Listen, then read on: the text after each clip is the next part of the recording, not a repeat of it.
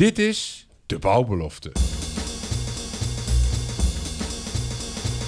De podcast voor bouwers die het anders en beter willen doen. Met altijd een frisse kijk en dwarse blik. Arjan Tullintunnel. Anders en beter luisteraars. Dat is waar we voor gaan met de Bouwbelofte podcast. Met weer een spraakmakende gast aan tafel. Welkom Dion Temming. Fijn dat je er bent. Dankjewel, fijn dat ik hier mag zijn. Ja, en om maar gelijk te beginnen Dion met een uitspraak van je die op mij heel veel indruk maakte. Je loopt hier in Nederland 100 meter en je weet wat je de rest van de dag tegenkomt. Ja, dat klopt. In die paar woorden ligt heel veel besloten. Uh, hoe ben je tot die woorden uh, gekomen? Nou ja, ik, heb, uh, ik ben geboren in Nederland en opgegroeid in Nederland. En toen ik nou, op een gegeven moment afgestudeerd was, ging ik eens in het buitenland kijken. En toen openbaarde mij een landschap wat spannend was. Waar de natuur tandjes had, waar het nou ja, een avontuur was om, om rond te lopen. En in al die tijd die ik in het buitenland was, alles bij elkaar bijna zes jaar, ja. um, ben ik fan geworden van hiken. En toen ik na verloop van tijd weer terugkwam naar Nederland, dacht ik, ik ga lekker een, uh, een rondje lopen. Zeg maar een rondje van een uh, halve dag of zo. En na tien minuten dacht ik, oh, nog vier uur van dit, dat trek ik niet. Want in welke landen ben je zo al geweest? Ja, het begon met een tripje naar Australië. Dat, uh, dat was wel veilig om, om te beginnen. En nou daarna ben ik nog weer een tijdje in Nederland geweest, maar begon het toch weer te kriebelen, de travel bug. En um, ben ik naar Midden-Amerika gegaan. En van Midden-Amerika, uh, dat was eigenlijk de bedoeling dat ik een tripje zou maken van een half jaar. Van Midden-Amerika naar Zuid-Amerika, nog even naar Azië en dan weer terug. Zo'n consumentistisch uh, tripje. Maar na een jaar zat ik nog in Midden-Amerika en was ik ondertussen onderwatergids voor toeristen in Honduras. En kwam ik niet veel later in Alaska terecht. En daarna in Canada. En ook nog een paar jaar in Noorwegen. Voordat ik weer terugkwam naar Nederland. Ja. En toen ben je met het buitenbureau begonnen? Dat klopt, ja. Ja. En, en, en wat doet het buitenbureau?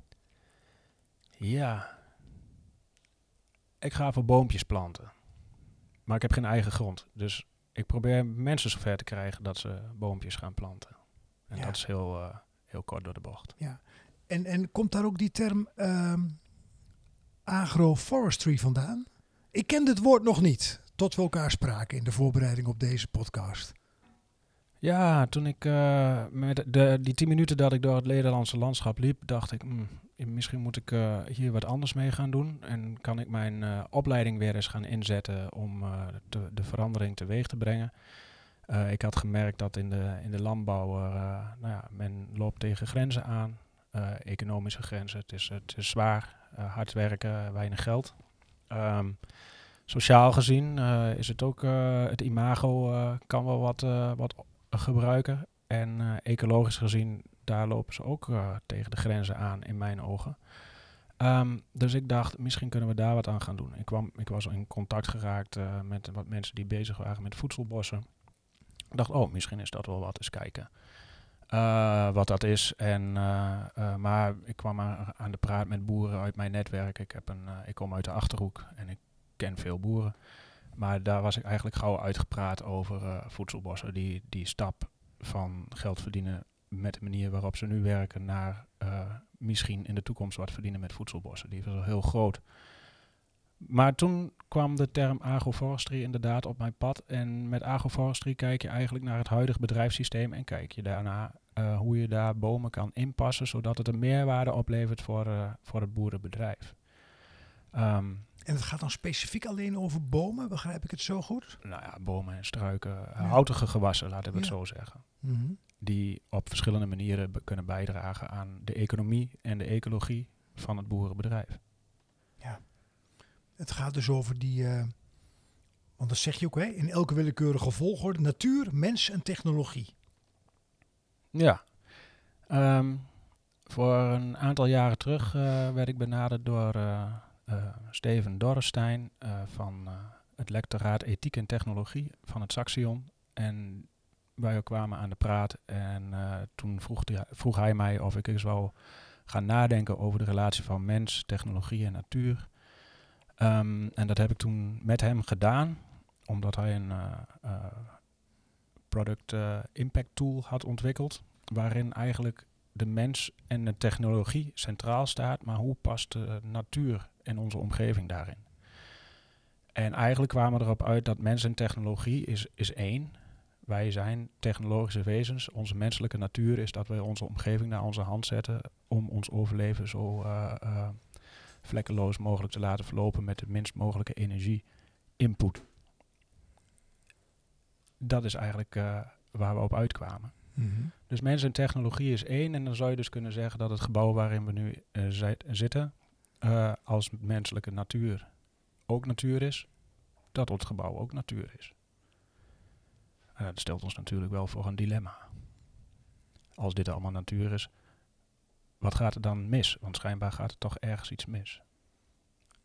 En waarschijnlijk ligt dat in de mate van impact die onze natuur heeft op onze omgeving. Onderschatten wij als, uh, als mens die impact van de natuur? Van onze menselijke natuur? Bedoel je dan wij als menselijke natuur, als mensen zoals we hier aan tafel zitten? Of bedoel je hem anders? Ja, dat bedoel ik. Ja. Of wij onze menselijke natuur onderschatten. Nee, nee, ik stel hem als vraag naar aanleiding van wat je net zei. Dat probeer je goed te begrijpen, vandaar mijn vraag. Aha. Ja, ik weet niet of we dat onderschatten. Ik denk dat we voor een deel uh, geen idee hebben wat de impact is van ons handelen op ja. onze omgeving.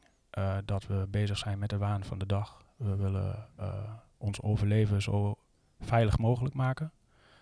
Um, en daarbij uh, uh, zetten we de omgeving naar onze hand.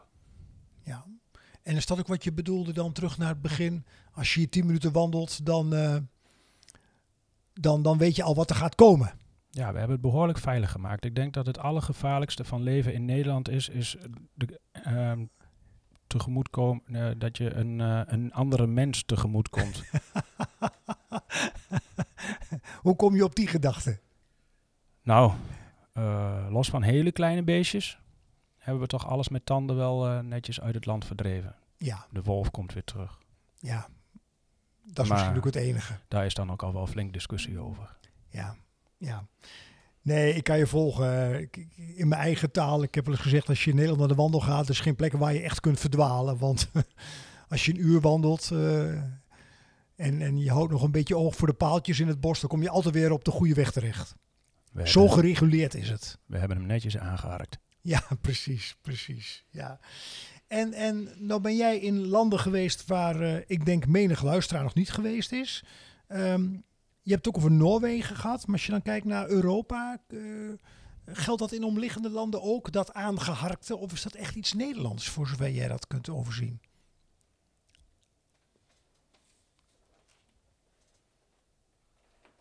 Ja, dat weet ik eigenlijk niet. Uh, ik kan er niet echt wat zinnigs over zeggen. Ik kan alleen zeggen wat ik zie als ik uh, de grens overga. Ja. En ik denk dat Nederland zich heel erg leent om aan te harken. Waar zit dat in dan, denk je? In, uh, in onze ondergrond. Netjes zand, netjes klei, netjes vleen. Niet zoveel relief, niet zoveel ja. rotsen. Dus alles hebben we wel redelijk geschikt kunnen maken voor ontwikkeling ten gunste van ons bestaan. Aha, ja.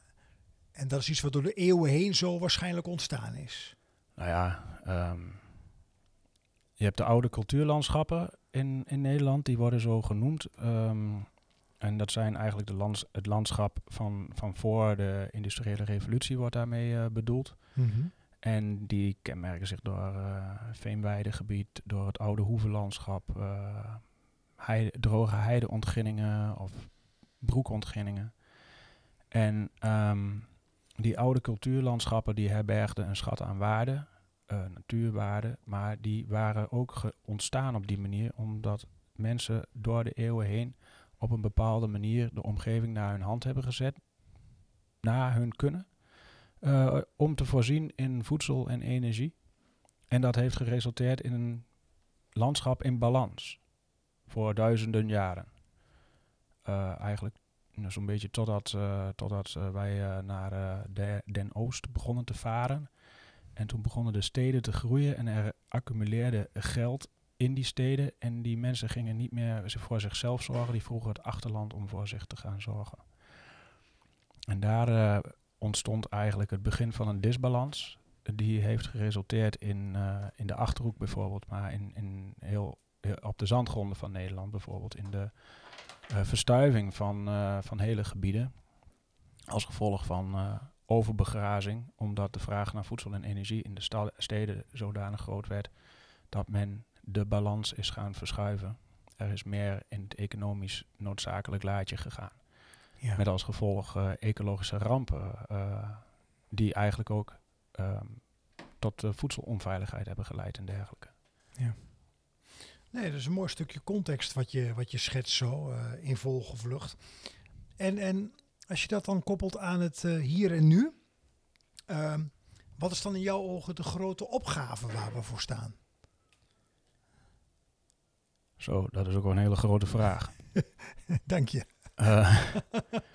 Ik denk dat er een aantal hete hangijzers zijn uh, die spelen in Nederland. Uh, klimaat is daar er een van. Biodiversiteit is een andere. Water is er een. Hitte. Um, voedselzekerheid, voedselveiligheid. Uh, dat zijn, het is een cocktail aan opgaven. Dus de grote opgave heeft ook niet één de antwoord. Um, ik denk dat er uh, gewerkt moet worden aan een diversiteit aan antwoorden die op alle vlakken uh, van uh, onze maatschappij um, plaats moet vinden tegelijkertijd om te kijken of we met deze opgave überhaupt zo om kunnen gaan. En het zal van iedereen wel wat vragen om tot oplossingen te komen. Ja, ja. Dat zijn, dat zijn flinke, het is niet alleen een grote opgave, maar ook flinke uitdagingen in de wijze waarop we nou, dingen gewend zijn te organiseren en wat dan mogelijk de richting is of richtingen waarop we het anders kunnen doen. Absoluut, ja. Ja, ja. Je praat ook over, uh, even terug naar, uh, ik ben het woord even kwijt wat je bezigde. Je, je, zei bomen en struiken, dat noemde je, daar had je een bepaalde term voor net. Agroforestry. Ja, en, en ook uh, iets met hout. Ehm, Houtige gewassen. Houtige gewassen, sorry, ik heb hem weer. Um, en, en dan, dan, dan kom je op een term als productlandschap. En, en je praat ook over nieuwe cultuurlandschappen. Voor de leken onder ons, die er ook zijn, de luisteraars. Wat, wat, hoe, hoe, zie je dan als er geen remming, als er nergens een rem op zou zitten, sorry, beperking kan ik beter zeggen, hè? Um, van planologische aard, van vergunningtechnische aard, van eigendomsaard. Hoe zou dan ons land er idealiter uit moeten zien als je kijkt naar het landschap? Nou ja, um, ik hou me vooral bezig met uh, de boerenbedrijven, dus met de voedselvoorziening uh, van het land. Um, en uh, waar we inderdaad tegenaan lopen zijn allerlei beperkingen op planologisch gebied die zijn oorsprong vinden in vaak het teruggrijpen naar oude cultuurlandschappen. Um, ik kwam op de proppen met de term nieuwe cultuurlandschappen omdat ik waarden wil ontwikkelen die gelijkwaardig zijn aan de oude cultuurlandschappen, maar in zodanige vormen dat het uh, aan de huidige vragen, de huidige problematiek, uh, antwoorden biedt. En die vorm is niet altijd hetzelfde als de oude cultuurlandschappen, want oude cultuurlandschappen bestaan voornamelijk uit in ongebruik geraakte cultuurlandschappen. Dus oude bedrijfsvormen hebben geleid tot het oude cultuurlandschap, nieuwe bedrijfsvormen zouden moeten leiden tot het nieuwe cultuurlandschap. En in feite is het beeld dat we nu, als we buiten de stad komen, zien, ook het nieuwe cultuurlandschap als gevolg van de inzet die we gedaan hebben um, na de Tweede Wereldoorlog, Wereldoorlog. Met de wederopbouw hebben we ingezet op intensivering van de landbouw ten einde uh, nooit meer honger te kunnen creëren. Er zijn opgaven bijgekomen. Voedselveiligheid is niet het enige meer we hebben eigenlijk onze hand een beetje overspeeld in de controlemodel dat we nu hanteren. Dus het is zaak dat we um, waarden die verloren zijn geraakt in het landschap weer gaan toevoegen, maar dan wel op zodanige manier dat het voor de mensen en de dieren in het buitengebied nog steeds een bestaan op te bouwen is. Ja, en, en je praat daarin ook over uh, de combi van agroforestry met watersystemen. Hè? Eh, waarom is dat juist zo eh, belangrijk in jouw ogen? Nou, vooral in, eh, op de drogere zandgronden. Daar is de laatste jaren een, een probleem opgetreden. Dat hebben we allemaal gezien en ervaren dat, dat de droogte optreedt. Dat is een nieuw fenomeen in Nederland. Dat, dat het schijnbaar zo droog kan worden dat je geen gewassen meer kan telen. Dat er volop eh, water opgepompt moet worden. Dat weer over het land uitgestrooid wordt. Dat mensen in huis meer water zijn gaan gebruiken om het zwembadjes en dergelijke te vullen. Die droogte die bedreigt onze manier van leven. Ehm, om dat op te lossen kun je van alles bedenken. Maar het gaat vooral over het infiltreren van water. Eh, we hebben ons land in de laatste honderd jaar, nou ja, de laatste duizend jaar zo ingericht dat eh, het water eigenlijk altijd zo snel mogelijk afgevoerd moest worden. Zodat we in het voorjaar zo snel mogelijk het land op konden om te zaaien. En zo lang mogelijk op het land aanwezig konden zijn om de laatste oogsten ook nog weer binnen te halen. Het kan wel eens zijn dat we die aanpak wat moeten aanpassen. Eh, en daar kan agroforestry kan daarbij helpen. Door bijvoorbeeld eh, anders met het water om te gaan. Dus het water niet af te laten voeren, maar laten af, af te laten vloeien in, in greppeltjes. Niet dwars op de hoogtelijnen, maar met de hoogtelijnen mee. Eh, waardoor het water op die plek infiltreert. Als we die greppeltjes dan beplanten met eh, houtige gewassen, dan zorgen die wortels ervoor dat, het water mooi, eh, dat de bodem mooi poreus is. En dat het water kan infiltreren en weg, onderaards zich kan verzamelen, zodat het eventueel later nog weer ter beschikking komt van de planten. Die bomen die hebben ook, eh, eh, zorgen, die kunnen zorgen voor een verhoging van het organische stofgehalte in de bodem. Organische stof dat gebonden is in de bodem heeft de eigenschap om water vast te houden. Dat wordt een soort spons. Ehm, dat, is, dat zijn allemaal manieren om water vast te houden op perceelniveau binnen het bedrijf. Maar als je dat op een grote schaal gaat a- eh, toepassen, dan zal dat betekenen dat je landschappen krijgt die dus eh, zich gaan specialiseren op de bodem- en watersituatie van dit moment. En dat resulteert uiteindelijk in leesbare landschappen. Want dan gaan we in de buurt van Nijmegen gaan we heel anders om met onze bodem en met onze eh, eh, aanplant van bomen dan bijvoorbeeld in de Betuwe of op de Veluwe of juist in de Achterhoek. Ja, en, en, en waar zit dan voor degenen die daar niet in thuis zijn, waar is dan het verschil tussen Nijmegen en de Achterhoek bijvoorbeeld? Eh, rondom Nijmegen, voor de mensen die daar wel eens eh, geweest zijn, heb je enorme reliefrijke gebieden. Bijna on-Nederlands landschap met eh, De Zevenheuvelenloop. bijvoorbeeld. Die, die komt daar rond Groesbeek met het relief. Ja, En daar komt het vandaan. Ehm, daar is een, waarschijnlijk een hangwaterprofiel waar het grondwater onbereikbaar is voor, voor de gewassen. Omdat het zandgrond is en het water er zo in wegstroomt. Daarentegen in de Betuwe heb je door de rivieren gevormd land wat eh, bedijkt is geraakt. Dus die komgronden die eh, uit zware klei bestaan. Daar kun je weer met daar voelen andere bomen en planten zich thuis dan op die zandgronden. Ja. En daar eh, spelen ook andere vraagstukken rondom water en waterkwaliteit. en, en, en je gaf al aan aan het begin, hè, voor de huidige, eh, voor boeren in het hier en nu moeilijk om die omslag te maken, hè? economisch gezien. Heb ik hem zo goed eh, opgevat wat je zei aan het begin? Ehm, Om meer naar dat type landschap te gaan met veel houten gewassen in plaats van wat men nu gewend is. het is altijd moeilijk om, eh, om te veranderen. Maar ik weet, ik weet in de eh, praktijk waarin ik werk dat, dat boeren allemaal op zoek zijn. De boeren die in mijn eh, netwerk zitten, die zijn op zoek naar nieuwe manieren om met het landschap om te gaan. Zodanig dat zij een boterham kunnen verdienen. Zodanig dat het landschap en de natuurlijke processen blijven functioneren of weer opnieuw gaan functioneren. Dat die bodem gebouwd wordt. Ehm, en dat zij in de maatschappij weer een, eh, een goed aanzien kunnen krijgen. Ja, Ehm, en nou doe ik net alsof dat niet zo is. Kijk, dat is allemaal niet zo zwart-wit als dat ik het nou stel. Maar er zijn wel verbeterpunten mogelijk. ja. En, en door jouw bril bekeken, zie je al, al, al, nou lichtpuntjes klinkt misschien dramatisch, zo bedoel ik hem niet, maar zie je dat er al wat beweging is in die beeldvorming? En is er ook eh, in jouw ogen al wat wil eh, dat die landschappen of die weilanden of die gebieden al anders ingericht worden? Nou, absoluut. Ehm, sinds dat eh, we met het agroforestry-netwerk begonnen zijn bijvoorbeeld, eh, hebben we meer dan 100, 100 hectare agroforestry-systemen aangelegd. Met meer dan 20 boeren. Met, eh, ehm, we hebben studiegroepen opgericht waarin we aan het kijken zijn hoe we in de uitloop van kippen met bomen kunnen integreren.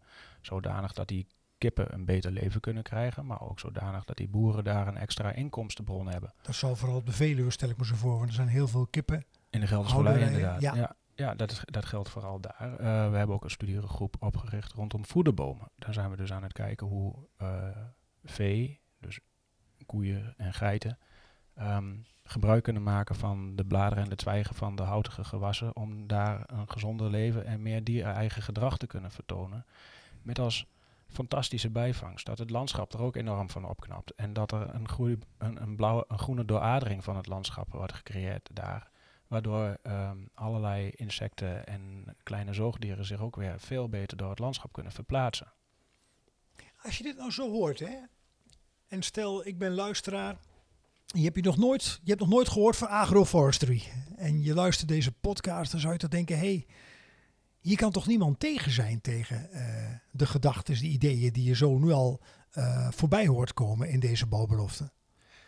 Ik denk ook niet dat er veel mensen op tegen zijn. Het is alleen dat agroforestry is enerzijds een heel oud systeem van voor de industriële revolutie. Maar toen waren we zeg maar ehm, eh, onbewust heel bekwaam in, in het managen van het landschap. Ehm, de agroforestry praktijken zoals wij die nu ontwikkelen, die, die zijn een hele nieuwe vorm vergeleken met de eh, praktijk zoals die heel eh, nu gangbaar is. Dus het implementeren van bomen in, in het agrarische bedrijf, dat, dat heeft cultureel gezien wat voeten in de aarde. En ehm, Liggen, ik daar, zie daar... liggen daar gevoeligheden? Ja, de, ehm, ik denk wel dat er gevoeligheden liggen. Die, die liggen zowel op het vlak van eh, wet en regelgeving als op het vlak van de boerencultuur. Efficiëntie is eh, eh, hoog aangeschreven waarde. Ehm, en je ziet nou dat nu, nu we kunnen uitleggen dat een voederhaag, wat in feite een houtsingel is bestaande uit gewassen die een positieve bijdrage leveren aan het leven en de productie van het vee, ehm, dat boeren veel beter kunnen uitleggen waarom ze een voederhaag planten, die niet alleen voor biodiversiteit is, maar ook goed is voor zijn bedrijf. En ja, dat, is, dat levert gewoon meer eh, begrip op in de samenleving, in die boerencultuur. Ja. Dus ik kan me zo voorstellen, door jouw contacten en het netwerk van boeren wat je nu al hebt, is veel praten, mensen meenemen, laten wennen aan het idee En plannen maken en plannen maken. en uitvoeren. Ja, Want dat is wat ik het liefste doe. Op het boerenbedrijf, met, met de boer, kijken naar wat, wat is er op jouw bedrijf, waar, waar schuurt het, waar knelt het. En zijn er mogelijkheden, die we, eh, zijn er mogelijkheden met bomen waarmee we dus oplossingen kunnen vinden voor daar waar het schuurt. Ehm, door de aanplant van bomen en, naartoe, en naar een nieuw bedrijfsmodel toe te werken. Ja. Of in ieder geval bij te sturen. een ander bedrijfsmodel wat toekomstbestendiger is. Precies Mag ik het zo zeggen? Ja. Oké. En voor ik... eh is een mooi bruggetje naar een ander thema. De SDG's en de IDG's. Dat laatste had ik nog niet eerder van gehoord. Eh, daar kom ik zo op. Maar ik heb hier ook tien kaarten liggen. Dat doen we altijd bij de bouwbelofte. Je mag een getal kiezen en dan lees ik de vraag voor. En dan is het aan jou om antwoord te geven. Al dan niet. Zes. Jij kiest nummer 6. Nou. Ja. Hoe ben jij als je stress hebt of onder druk staat? Ongezellig. Dus dat zien de anderen dan ook goed aan je. Ja. Ongezellig. En hoe uit die ongezelligheid zich, eh, Dion? Ah, door hyperfocus op daar waar ik mee bezig ben. En dan moet al het andere wijken. Kijk, ja, dan ben je niet te genieten. Dat zou je kunnen zeggen. ja. Mooi, ja. Nou, dankjewel. Ehm oh, nog een paar of-of vragen. Dat is ook wel leuk. Ehm boterhammen met korst of zonder korst? Met kost. Duidelijk. Sushi of hamburger? Ja. Ehm, ik eet vegetarisch tegenwoordig hoofdzakelijk. Dus eigenlijk geen van beide. Ja, snap ik ook. Ja. En laatste, alleen of in een team? In een team. Behalve als je hypergefocust bent en minder gezellig bent. En dat is vooral dan voor alles wat niet met dat onderwerp te maken heeft. Die snap ik, die snap ik.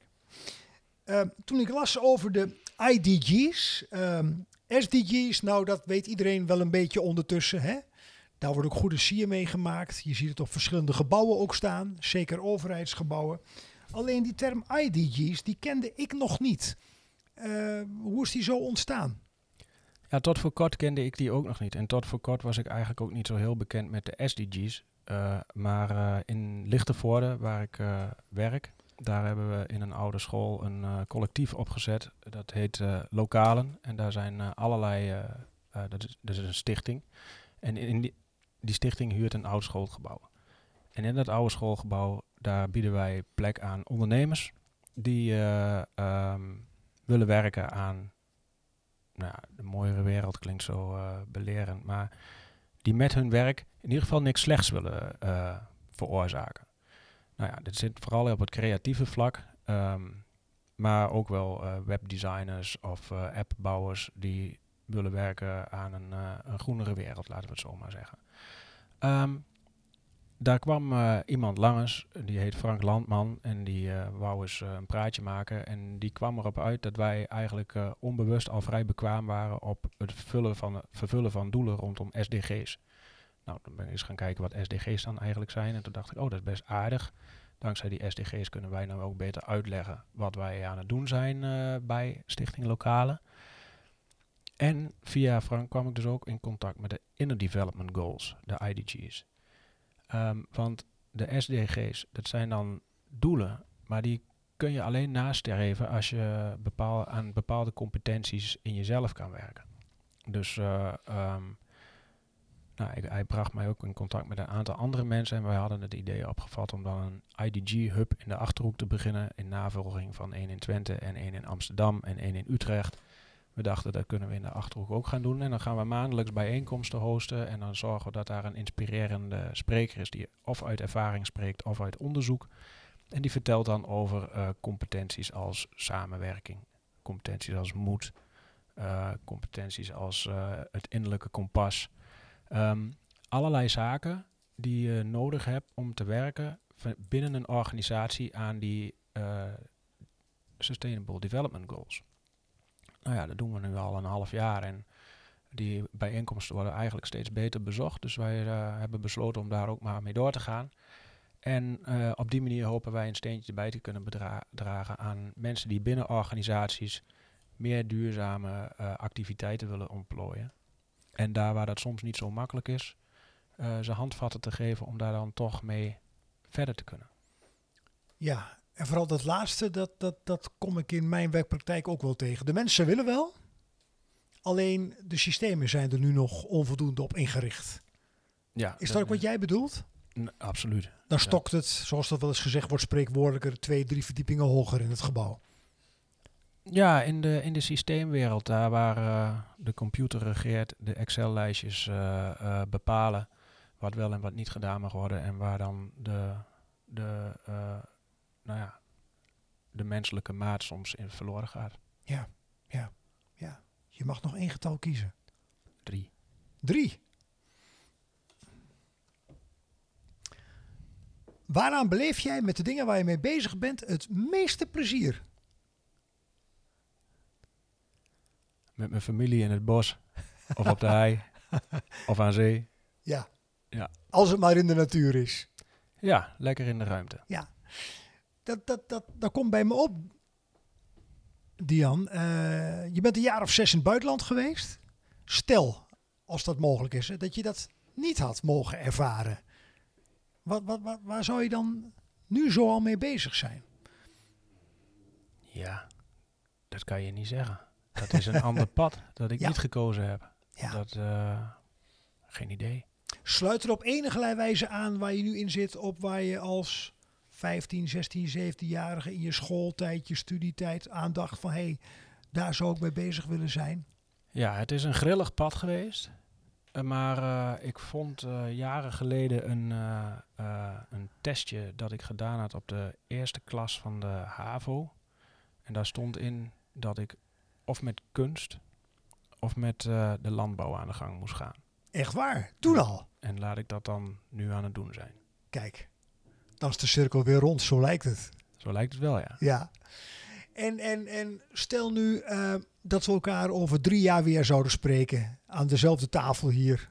Mhm. En we hebben nog steeds de Bouwbelofte podcast. eh, een doorkijkje naar 2026. Waar zou je dan heel blij van zijn als je kijkt naar de ontwikkeling tussen nu en 2026? Ik hoop dat eh, een agro-ecologische benadering van het, eh, eh, de landbouwsector de norm is tegen die tijd. Ehm, en dat we toch al zeker in Gelderland 300, 400 hectare agroforestry systemen hebben aangelegd. Oké. Is het haalbaar? Realistisch? Ik denk het wel. We zijn nog net twee jaar aan de gang en we hebben 100 hectare. Het vliegwiel begint te draaien. Ehm, mensen van buiten de sector beginnen ook eh, interesse te krijgen, zoals provincies, waterschappen, eh, gemeentes. En ik ben zelfs eh, in de achterhoek, of nee, laat ik het anders zeggen. In de achterhoek is een initiatief dat heet Samen Biobased Bouwen. Ehm, die werken met een groep eh, eh, designers eh, vanuit Possible Landscapes. Zijn ze aan het kijken van wat betekent biobased bouwen voor het landschap. Nou ja, en met die groep ben ik in contact gekomen via via. En mocht ik wat vertellen over mijn visie op landschap, houtige gewassen, watersystemen, biodiversiteit. Ehm, maar ook het landbouwbedrijf aan zich. En die visie op water en landschap die ik net schetste over eh, eh, bijvoorbeeld keyline design, maar reparische buffers, oftewel oeverbosbuffers, is daar ook onderdeel van. Ehm, die, die gaat nu eh, verbeeld worden op de Dutch Design Week in een installatie binnen Possible Landscapes. En daar ben ik natuurlijk wel ontzettend trots op. Met Lucas de Man onder meer. En Ja. Ruben Bus. Ja. Eh, nou, daar mag je met recht trots op zijn. En, en wanneer is die Dutch Design Week voor de luisteraars die daar naartoe zouden willen? Die is in oktober. Ik weet niet precies welke datum dat het begint, maar ik weet in, in oktober eh, dan is het. Want ik wilde ook een expositie bij de Koppelkerk in, eh in Bredevoort organiseren rondom landschappen bouwen aan de toekomst. Ehm, en, en daar is eigenlijk het helemaal begonnen. En dat er ook een overlap was met de Dutch Design Week. Dus Nou, in oktober is er ook een interessante expositie in Bredevoort in de Koppelkerk. kijk.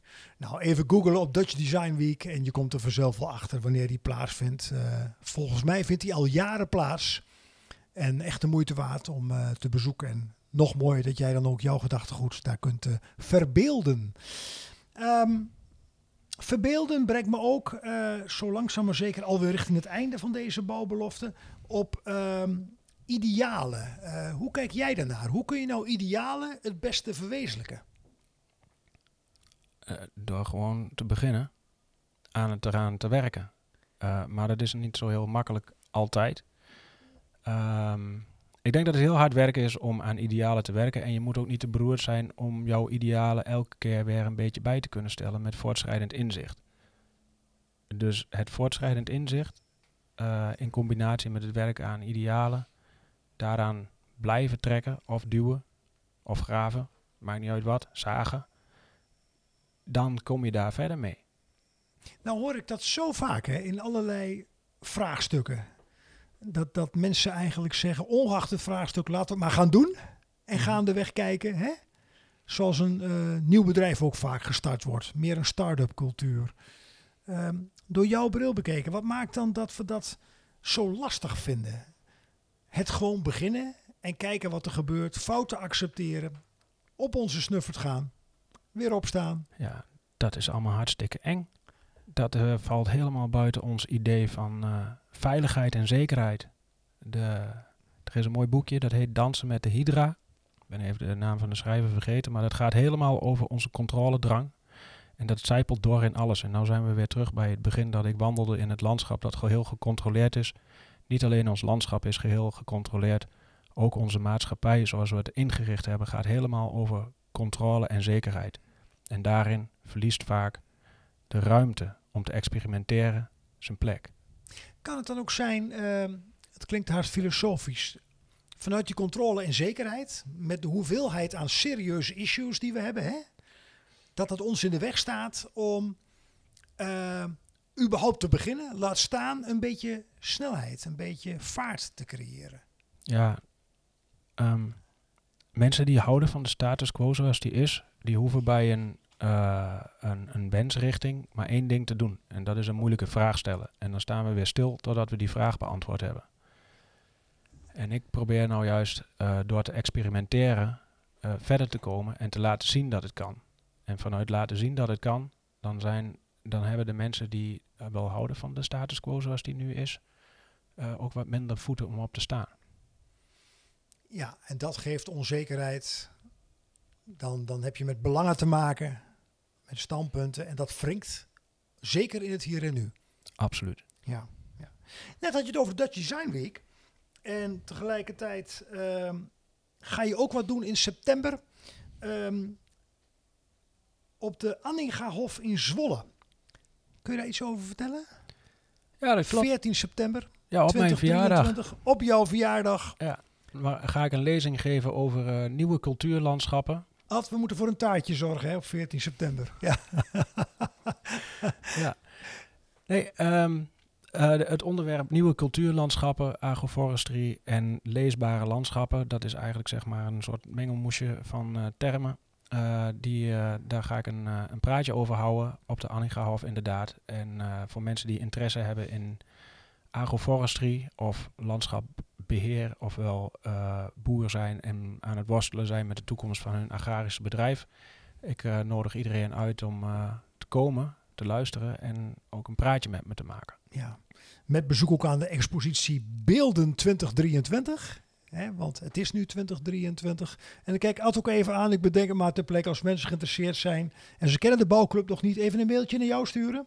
ad.debouwclub.nl Of via jou. En dan zeggen we hoe meer zielen, hoe meer vreugd van mensen die dan het verschil willen gaan maken. eh, nu dan wel in de toekomst. Ehm, Dion, is er nog een, een, een thema? Want er is zoveel. Ehm zo is een uitspraak van jou gedaan in eh, Contact Zutphen 2020. De oceaan begint al bij de eigen voordeur. Dat is, Is- ook een mooie taal. Is dat mijn uitspraak? Ja, of, of dat stond ergens. eh, neem me niet kwalijk dat ik niet helemaal weet of het jouw uitspraak is of dat die er stond. Nou ja, ik, ik heb wel eens gezegd, de, de oceaan begint bij mijn wc. Maar dat is ongeveer hetzelfde inderdaad. En wat bedoel je daarmee? nou ja, eh, jouw eigen gedrag heeft invloed.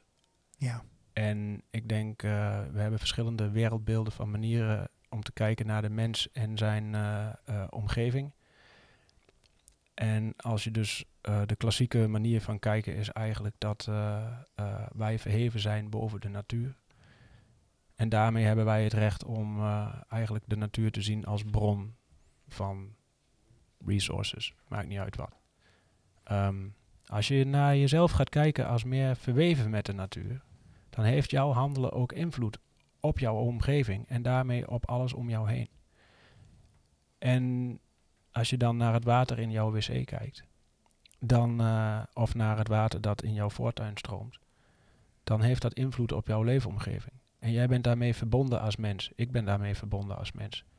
En in die verbondenheid, daarin ligt denk ik ook het kijken naar de toekomst. Dus als wij ons weer verbonden voelen met onze omgeving, zullen we waarschijnlijk ook beter voor onze omgeving zorgen. ja. Vanuit verbinding kijken naar de toekomst, roept het bij me op. Als we dan toch met taal bezig zijn. Klink- klinkt goed. Ik zou ervoor gaan. Oké.